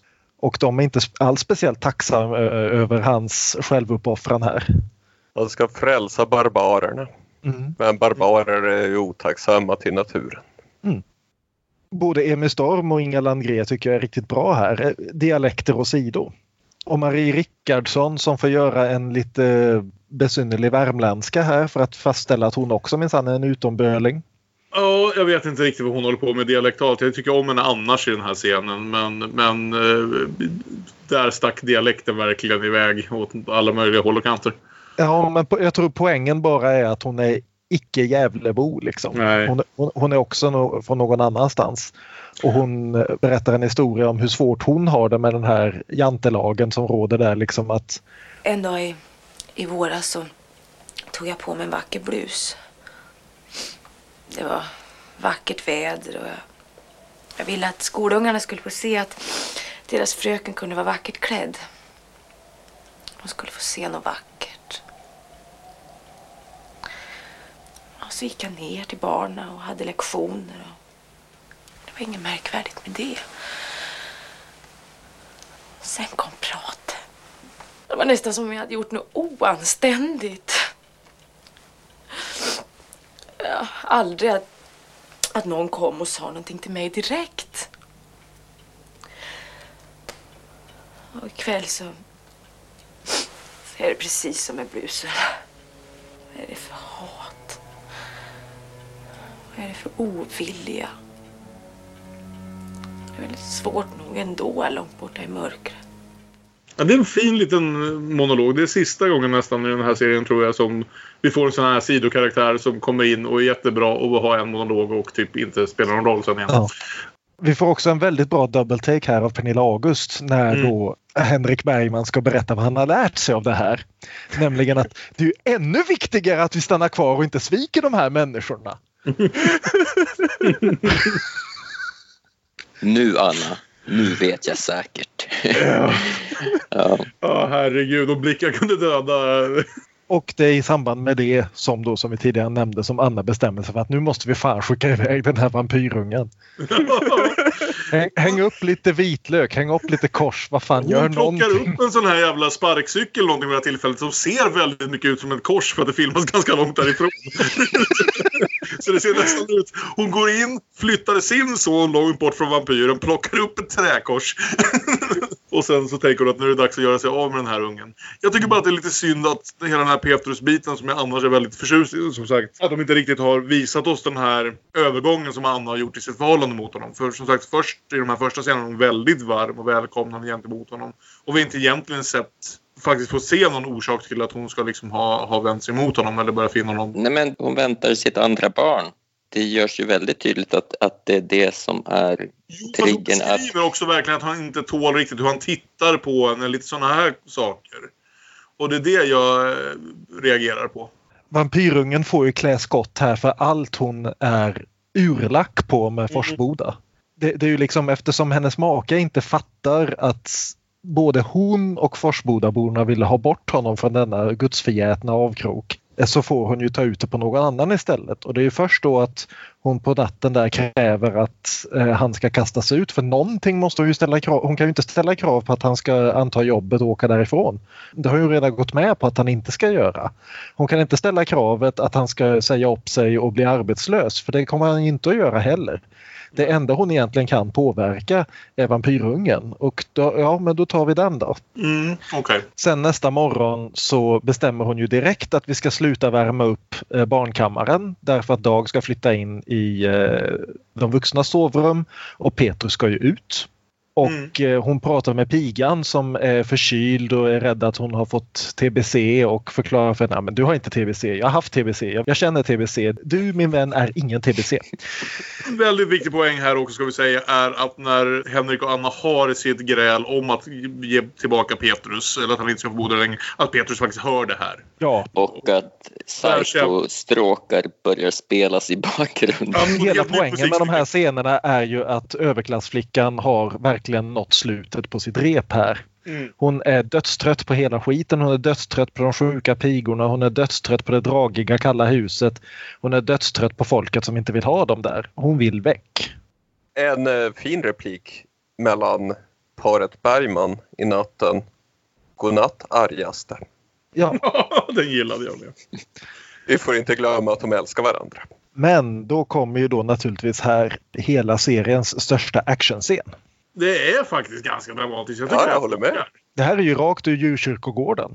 Ja, för helt plötsligt när de är inne och bråkar om Petrus igen så hör de eh, Dag skrika mamma, mamma och eh, tittar ut och Petrus har eh, lackat ur på efter att ha pratats om som liksom en, en jobbig närvaro som bara är någon man vill göra sig av med. Så nu tänker jag att mig med fan det är så jävla jobbigt att ha tre ungar så ska det väl bara vara två ungar då. Så jag gör mig av med den andra istället. Och har gett sig i kast med att bära ner Dag till älven och kasta in. Bägge föräldrarna springer efter och naturligtvis hinner Henrik först för han är A. Stor och stark och B. Inte gravid. Och hinner först och rycker tag i ungen precis när han ska slänga i Dag och Dag springer till mamma medan Henrik spöar skiten ur Petrus. Mm.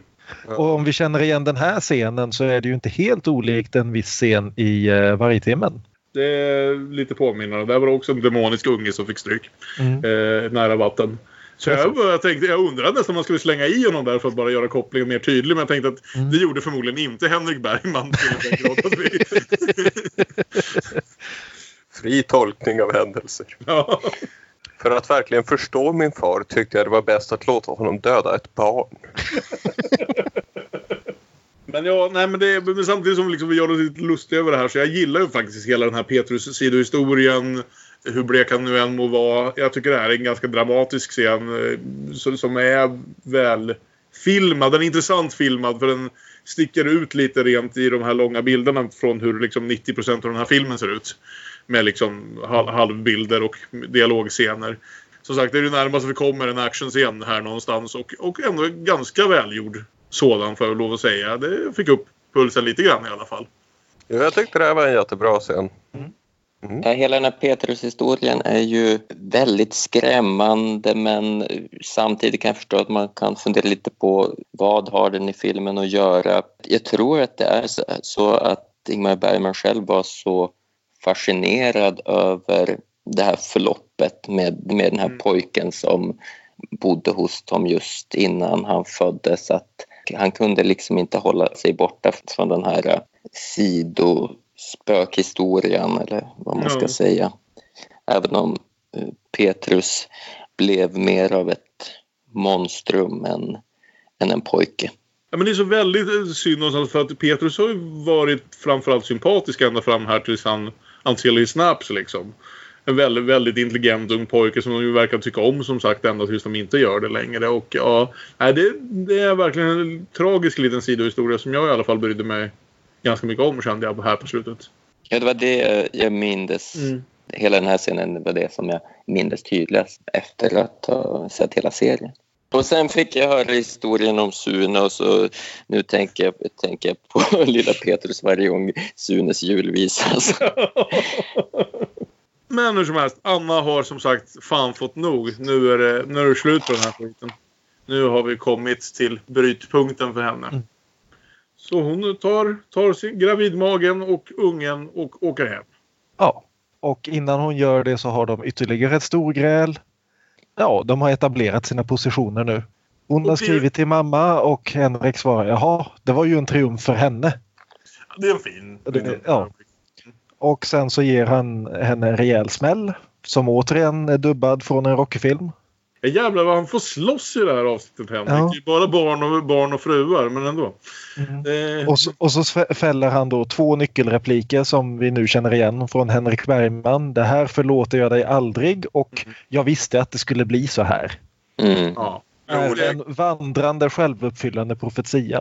Anna är lite rolig på det där. Jag kommer aldrig att förlåta dig. Nähä. Då vet vi det. Pernilla August är också väldigt bra här. Vi har blivit mycket att prata om Fröler just för att han liksom förändras en del under både i kvalitet och i karaktär under den här seriens gång. Men Pernilla August är också väldigt, väldigt bra. Särskilt på sådana där små ögonblick som sagt. Och I jag gillar avsnitt en... tre störde jag mig lite på henne. Men det var nog mer på karaktären egentligen. Mm. Hon spelade upp det här högfärdiga, bortskämda. Jag gillar ändå någonstans att de, vi får aldrig se det, men att de måste bli så pass sams vid något tillfälle att han i alla fall går med på att köra dem till tåget och bära väskorna och säga hej då och så vidare. För det kommer ju så direkt på det här grälet att jag nästan väntade mig att nu måste de hitta något sätt att ta sig dit. Han tänker fan knappt ens liksom, ha, inte ha någon del i det här. Men till så pass ociviliserad tänker han ändå inte vara. Han står där i sin fina skinnmössa. Eh, och åker, och så får vi se ett till tåg som åker Ja. därifrån. Ja. Och sen på vägen... Kalle? Det är samma tåg. Ja. ja. Men sen på vägen hem så passar han på att smita förbi pingstförsamlingen. I boken är det mycket mer prat om pingstförsamlingen. Men eh, det har inte diskuterats mycket i filmen. Jag tror har nämnts i någon sidoreplik bara. Men det är ju hit alla hans, eh, hela hans församling har tagit vägen. Och de sitter där och har jätteroligt och sjunger och talar i tungor och ropar halleluja, leve Jesus Kristus. Ge mig ett J, ge mig ett E. Ge mig ett... Och sen så åker han till sin egen helt tomma, helt is- iskalla kyrka och sitter där och lider och har det bra. Hur han tittar på liksom det här livet i luckan på pingstförsamlingen. Han känner ju, vad fan är det här? Ja. Det här är, liksom Det här en sida är hedningar och kannibaler. Ja, det- den sida av religionen han aldrig ens föreställt sig. De verkar nästan få någon form av glädje av allt det här. Det är inte vad han tänker på religion som. Ja, och att de har roligt tillsammans också. Ja. Det sa Jesus inget om. Henrik har ta fan aldrig haft roligt tillsammans med någon. Nej. Nej. Här känner han verkligen att han behövs i Forsboda. Han och ingen annan behövs i Forsboda. Några dagar senare så är han hos kyrkoherden och får veta att brukets katastrof är ett faktum och kyrkoherden försöker antyda att ja men du, du är ju inte skild än alltså. Din fru tycker fortfarande om dig. Du kan fortfarande göra något åt det här. Därför att Hasse Alfredsson är en god människa. Men nej. Har ingen lust med det. Nej, och det visar sig ju då att Nordensson har skjutit sig. Jag kopplar aldrig om det här var direkt relaterat till att vad ska vi säga, det fackliga bråket verkar ha nått någon slags kulmen. För samtidigt är det en massa bråk ute på, precis ute på gården utanför med poliser och Ja. eh, strejkare som kommer i bråk med varandra. Gösta Pruselius får stå och se arg ut i en skinnmask. Nej, det är, dels är de ju inte strejkare. Det är tvärtom. De kräver att få jobba och att få lön men bruket är ju stängt eftersom Ja. Nordensson har skjutit sig.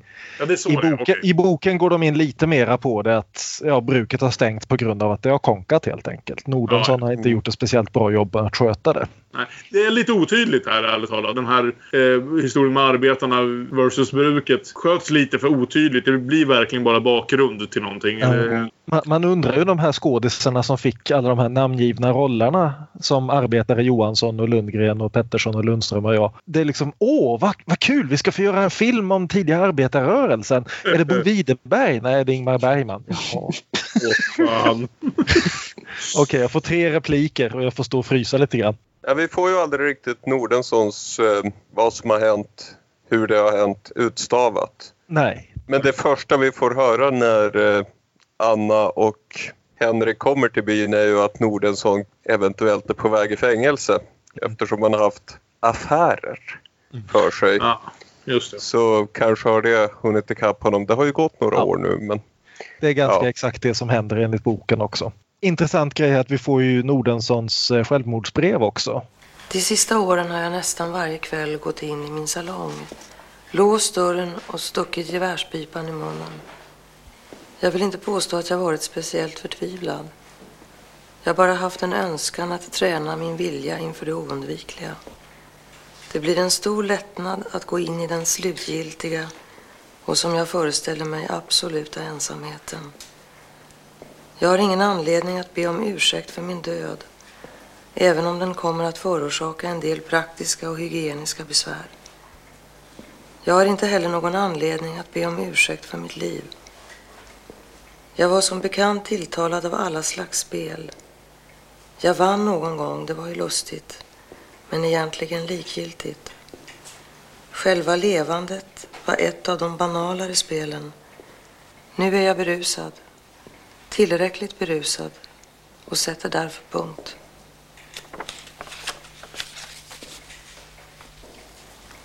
Vill pastorn läsa en bön? Jag tror inte det. Pastorn tror Jag inte tror inte att disponent Nordensson skulle tycka om om jag stod här och läste böner. För han har va- varje kväll i ett års tid han satt gevärspipan i mun och liksom lä- vant sig vid smaken. Och det är ju intressant just med tanke på att vi har en huvudperson här som är så jävla defaitistisk att han redan från början har bestämt sig att hans äktenskap kommer att krascha och att allting kommer att tas ifrån honom. Och det är ju också lite nattvardsgästerna-varning här på scenen där Marie Göransson tackar honom för allt pastorn har gjort. Mm. Och allt pastorn har gjort är ju bara att liksom antagonisera den här typen ännu mera. Och, ja. Ja. Ja, vill du säga en bön? Nej, jag tror inte disponenten skulle uppskatta om jag sa en bön om honom. ja, men vill du läsa den sarkastiskt? Sen är det Juli, Juli Bergman igen. Och Börje Ahlstedt är en mycket bättre morbror Karl än vad han var i Fanny Alexander. Ja. Även på jul. Finns det några snälla barn här? Eller bara lea kärringar och förlupna fruar? Är inte helt lysande på att hålla roll som tomte. Nej, nej han drar av sig i tomtefänget precis framför treåringen. Luvan åker snabbt när det erbjuds en, eller ja, när han erbjuder sig själv en, en snaps. Ja, nej men det är en fin varm scen och det är kul som sagt. Korta avbrott av faktisk värme och humor någonstans i det här. Och som väl också säger något om man jämför de här två världarna vilket Bergman ändå i slutändan kom att föredra. Eh, även om det må ha varit eh, överklassigt och borgerligt och lite fisförnämt och sådär så värmen med vilken den här världen målas upp är ju väldigt ställd i kontrast till den där, där Henrik befinner sig samtidigt. Ja, det är väl någon replik där på Trädgårdsgatan. Ja, jag antar det är Karl som ser hur mycket mat som står uppdukad. Här märks inte nödåren. Nej, Och man precis. känner, nej, här är det mycket bättre än på andra platser. Ja. Gud vad härligt. Där vill jag också bo. Ja. Då ska vi ju betänka också att vintern 1917 var ju sista hungersnöden i Sverige. Här var det ju verkligen hungerkravaller på Stockholms gator och snudd på revolution i Sverige. Men här märks vi också något som känns som att det hade kunnat utvecklas mycket mer. Nämligen att det är för fan nästan tomt nu. Om vi jämför på folk i lägenheten under julfirandet. Om vi jämför med de tidiga scenerna när, när pappa Max fortfarande levde och så vidare. Mm. Det är Anna, hennes mamma. Karl är den enda av de här styvbröderna som, som Ja. liksom bryr sig om att dyka upp längre. Och så är det en piga. Och Karl har ju också den här repliken alldeles innan han går att hälsa bröden eller gör inte det förresten. Det finns en gräns för min tolerans för förljugenhet. och uppe i Forsboda går en skäggig Henrik i ett kallt hus. Han Åh. har nu slutat elda överallt utom i köket. Han skaffar en hund i alla fall. Det är det ensamma människor gör. För hunden har vi inte sett förut va? Hunden har en mycket större roll i boken också. För Bergman är ju hundmänniska men det tror jag inte Billy August är. Nej. Han verkar känna nu att det är så här han ska leva. Nu, nu lever han precis på den nivå som han själv tycker han förtjänar och ta fan har sett till att han förtjänar. Och här kom ju Lena T Hansson på besök igen. Och tyckte jag först nästan var lite flörtig, men jag tror inte det är tanken. Ja, visst Nej. var hon. Jag tror hon var lite flörtig. Ja, det är Lite, lite extra tjusig. Läcker pingla. Men eh, Henrik Bergman har ju liksom, han har, han har ju verkligen klart för sig vart han hör hemma. Jag hör till den ensamma sorten. Det är så. Alltid varit så. Tiden med Anna och min son gjorde mig bara förvirrad. Det var som en eh, särskild lycka var avsedd för mig. Som har stått och väntat bakom ett hörn i alla dessa år. Och Anna som fick mig att tro på det. Anna och Dag. Förstår du? Ja, det är härligt. Han ska verkligen asketisera bort allting som är en egen personlighet. Jag ska göra mig till inget så att jag kan vara vad som helst för de som behöver mig. Eller hur Paulus nu sa. Och vi får ju en, en väldigt tydlig koppling tillbaka till den allra första scenen här. Om ni kommer Mm. ihåg borta i avsnitt ett när han har den här scenen med sin farfar. Och farfar säger åt honom, du ska ju bli präst, då måste du väl veta någonting om kärleken. Och nu tio år senare så har Henrik lärt sig vad det är som krävs för att bli präst. Han ska leva i försakelse. Mm. Och in, helst inte prata med en enda människa. Då blir man en bra präst. Det är som hur Brett Anderson isolerade sig för att kunna skriva Dogman Star. De stora verken kräver en del av oss. Fast vad fan är Henriks stora verk här? Vad är det han tror det liksom, slutpunkten ska vara av det här annat än hans egen liksom... Han hoppas skriva Dogman Star. Precis efter att ha hävdat det här precis som han vill och allt han någonsin har väntat sig och att det finns ingenting mer för honom och ja, ja, ja. Så visar det sig att han, ja, det måste väl vara att han liksom hör orden komma ur hans mun att han inte längre riktigt tror på det. Känner jag. Ja. Fast han väntar ett halvår. Det gör han. Ja, det går från vinter till sommar. Ja, precis. Eller till vår snarare. Men, ja. Ja, kanske det. Ja. Jag tänkte att mellan den där mängden snö, snö där uppe och liksom lite vår i Uppsala, det behöver bara vara en vecka eller något. Ja, Eh. det, är, det är väldigt mycket vitsipper och så i senaste film, sista scenen i filmen. Ja, för där är vi nu. Ja, Det är den sista scenen i filmen. Som är att Henrik åker till Uppsala, rakar sig och eh, stalkar Anna till en parkbänk. Jag tycker det är en ganska fin sista scen för jag gillar hur de håller den lite sparsmakad. Återigen, de är fortfarande uppdelade precis som Bergman tydligen hade skrivit att de skulle vara i den här kapellscenen. Eh, Men jag tycker det funkar bättre här. Där de sitter på varsin parkbänk och tar det här liksom, slutgiltiga beslutet. Vi kan kanske aldrig förlåta varandra. Så du vill inte att vi ska fortsätta? Det förstår du väl att jag vill? Jag vill ju ingenting annat. Det är det enda jag vill. Ja, Henrik vill för en gångs skull eh, visa lite, lite respekt för eh, hur, hur mycket närhet han, eh, han kanske förtjänar. Ja, det, man får ju som intrycket att de har avtalat tiden då. Det är, inget, det är inget lyckligt slut och det är inget olyckligt slut men eh, Henrik säger att, eh, att nu, nu har han till slut gett upp sitt motstånd. Han, han har väl själv ledsnat på sig själv. Mm. Han, han lämnar Forsboda. Jag gillar liksom det här, för det är ju verkligen där film, från när filmen eller serien började så är det ju det som är historien. Hur den principfaste Henrik Bergman till slut släpper på sina principer för sin lyckas, lyckas fördel. Hur lyckligt det sen än må ha blivit eller inte. Eh, men i alla fall, där vi slutar är det det som blir historien. Han bryter till slut på sina principer för, för att göra något för, för sin familj. Och jag tycker det är en ganska fin punkt att sluta på. Särskilt som sagt som det är ganska underspelat ändå. Det är inga stora liksom, stråk eh, symfonier eller att de kommer ihop i en jättestor kyss eller någonting så här. Utan det underspelas mm. ganska bra. Så jag gillar, jag måste säga att jag gillar vart den slutar. Jag gillar nog överhuvudtaget det fjärde avsnittet eh, bäst av de här fyra. Jag tycker också fjärde är det bästa. Mm. Och jag tycker också bra slut. Det är bra, absolut. Om man tar slutet i boken så lyfter det fram också lite grann att det, det är ju inte ett slut som knyter ihop någonting egentligen det här om man inte visste att barnet i magen där är Ingmar Bergman så skulle man nästan vänta på ett avsnitt fem efter det här. Mm. Det är ju inte så att någon av dem har gjort en fullständig ark eller någonting. Vi har inte kommit fram till någon tydlig liksom, slutpunkt i storyn. Jag tycker nog ändå att det någonstans blir med tanke på vad första scenen är. Att mm. första scenen är att, att cementera Henrik Bergman som den här otroligt principfasta personen. Jo. Som väljer sina principer över familjen vid varje tillfälle. Sen får vi det pålagt i avsnitt mm. efter avsnitt. Och här kom, så slutar vi på punkten där han för första gången gör det andra valet. Sant. Sen om man läser eh, slutet av boken så har ju Ingmar Bergman en liten, efter den här sista repliken så har han ju en liten egen, eh, slut på sin egen monolog. Sedan vet de inte vad som bör och kan sägas. Därför sitter de tysta en lång stund var och en på sin bänk och i sina tankar. Mm. Anna är säkert helt upptagen av praktiska överväganden som har med den förestående flyttningen att göra. Henrik tänker på hur han ska förmå sig att se sina församlingsbor i ögonen under den tid som återstår. Mm.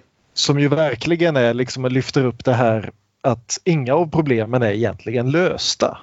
Nej. De är fortfarande två väldigt olika människor med olika önskemål och olika vägar i livet. Men ja, det är här vi lämnar dem för den här gången därför att nu ska han själv träda in och tala om vad som ska hända. Men ja. Precis. Jag, jag, vet inte om jag tycker något av, slut, något av de två sluten, eller ja, det är samma slut men det är bara Bergman sätter en liten, liten färgning på det där i slutet. Eh, men jag, jag tycker fortfarande liksom att om jag hade sett det här som helt fristående film för, liksom, utan några som helst kopplingar till verkligheten eller någonting mm. så skulle jag tycka lite grann att det känns som Ja och sen då?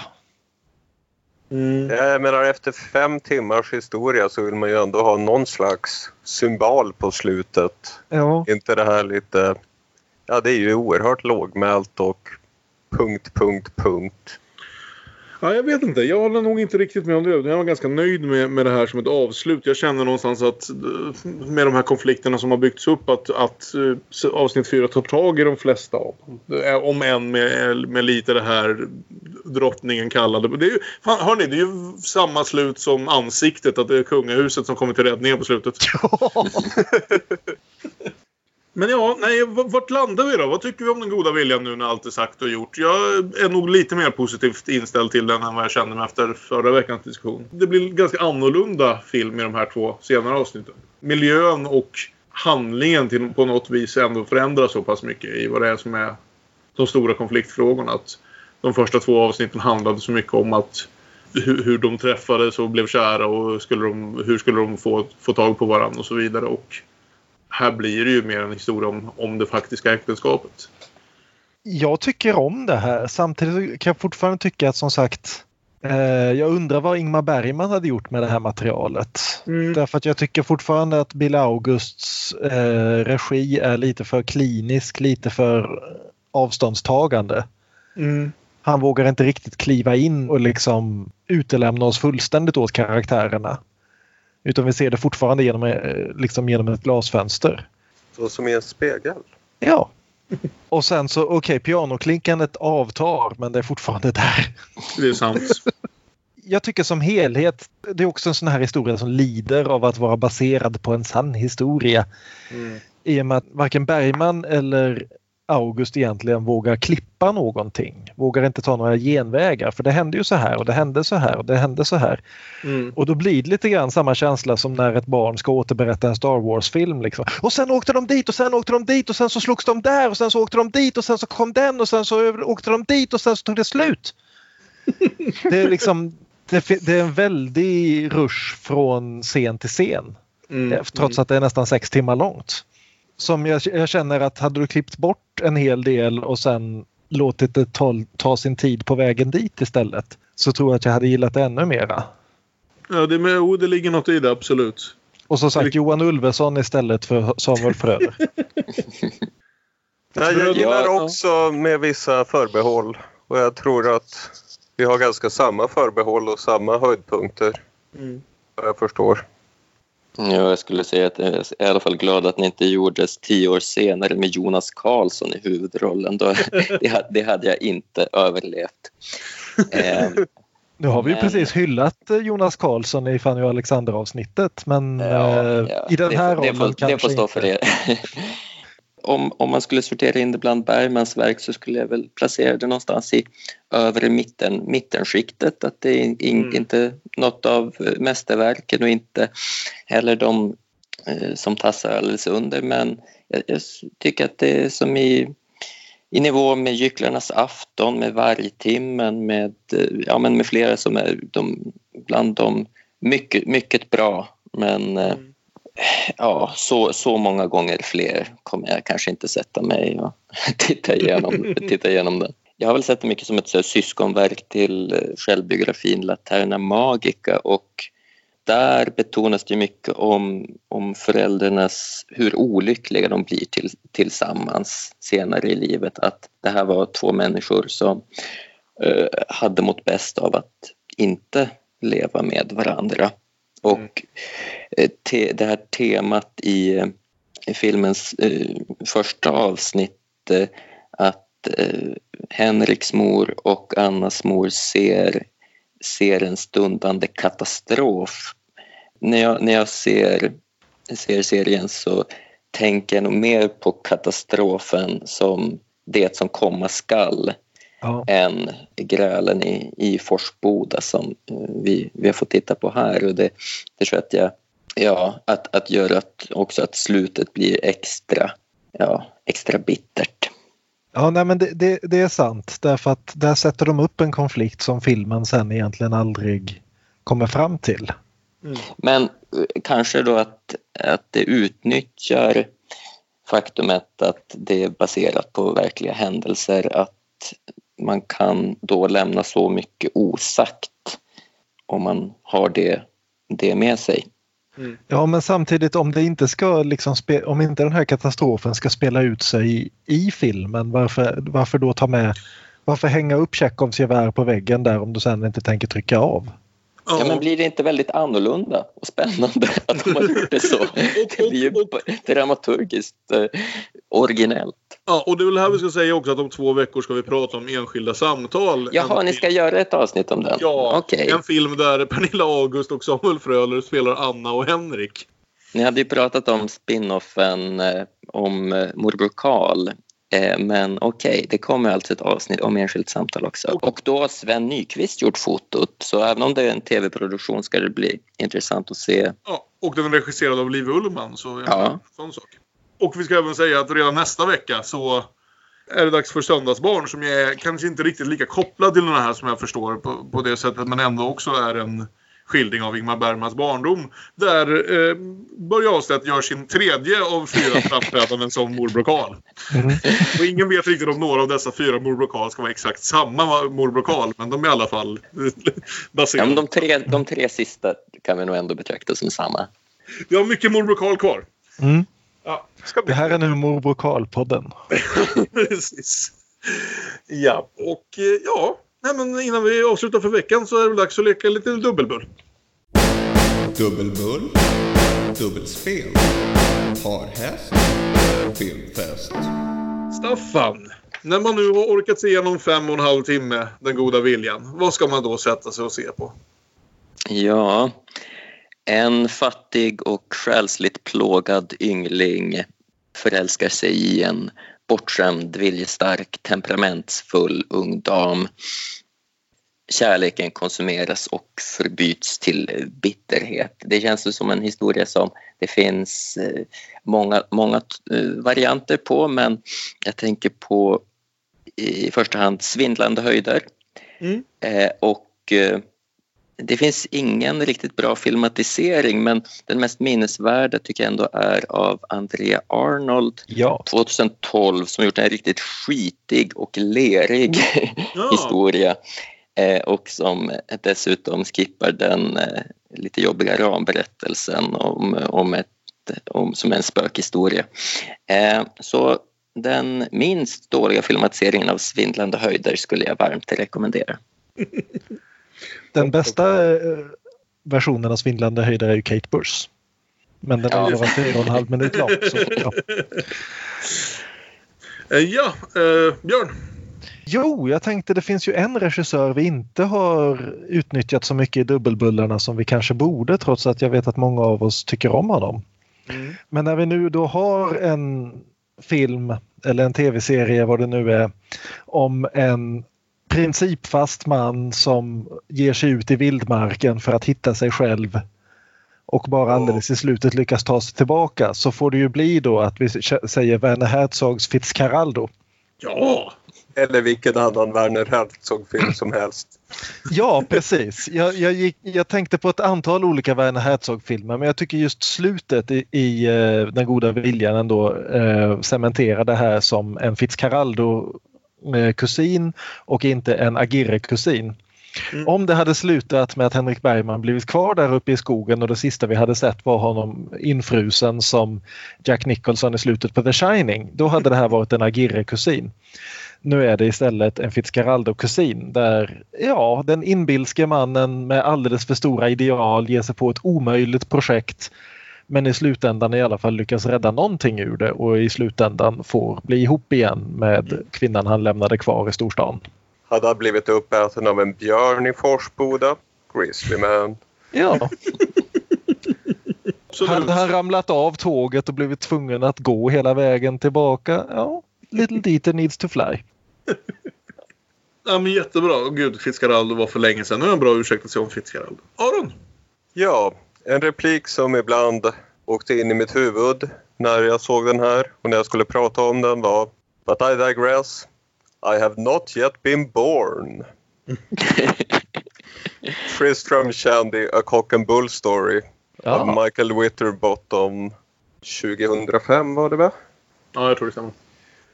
Med Steve Coogan och Rob Brydon.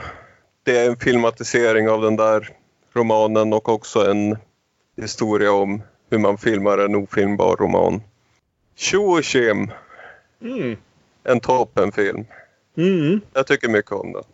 Och för egen del då så kan jag väl föreställa mig det här att om man var på en bio, kanske inte i Sverige, möjligen någon lillbio i Stockholm någonstans och gick på bio och såg långfilmsklippningen av Den goda viljan 1992 och kom ut därifrån och tänkte att Ja men nu är jag lite ledsen och uttråkad, nu behöver jag pigga upp mig. Så hade man kunnat göra en faktisk dubbelbull med, med en film eh, som behandlar även där zombiebarn, kanske snarare än vampyrbarn.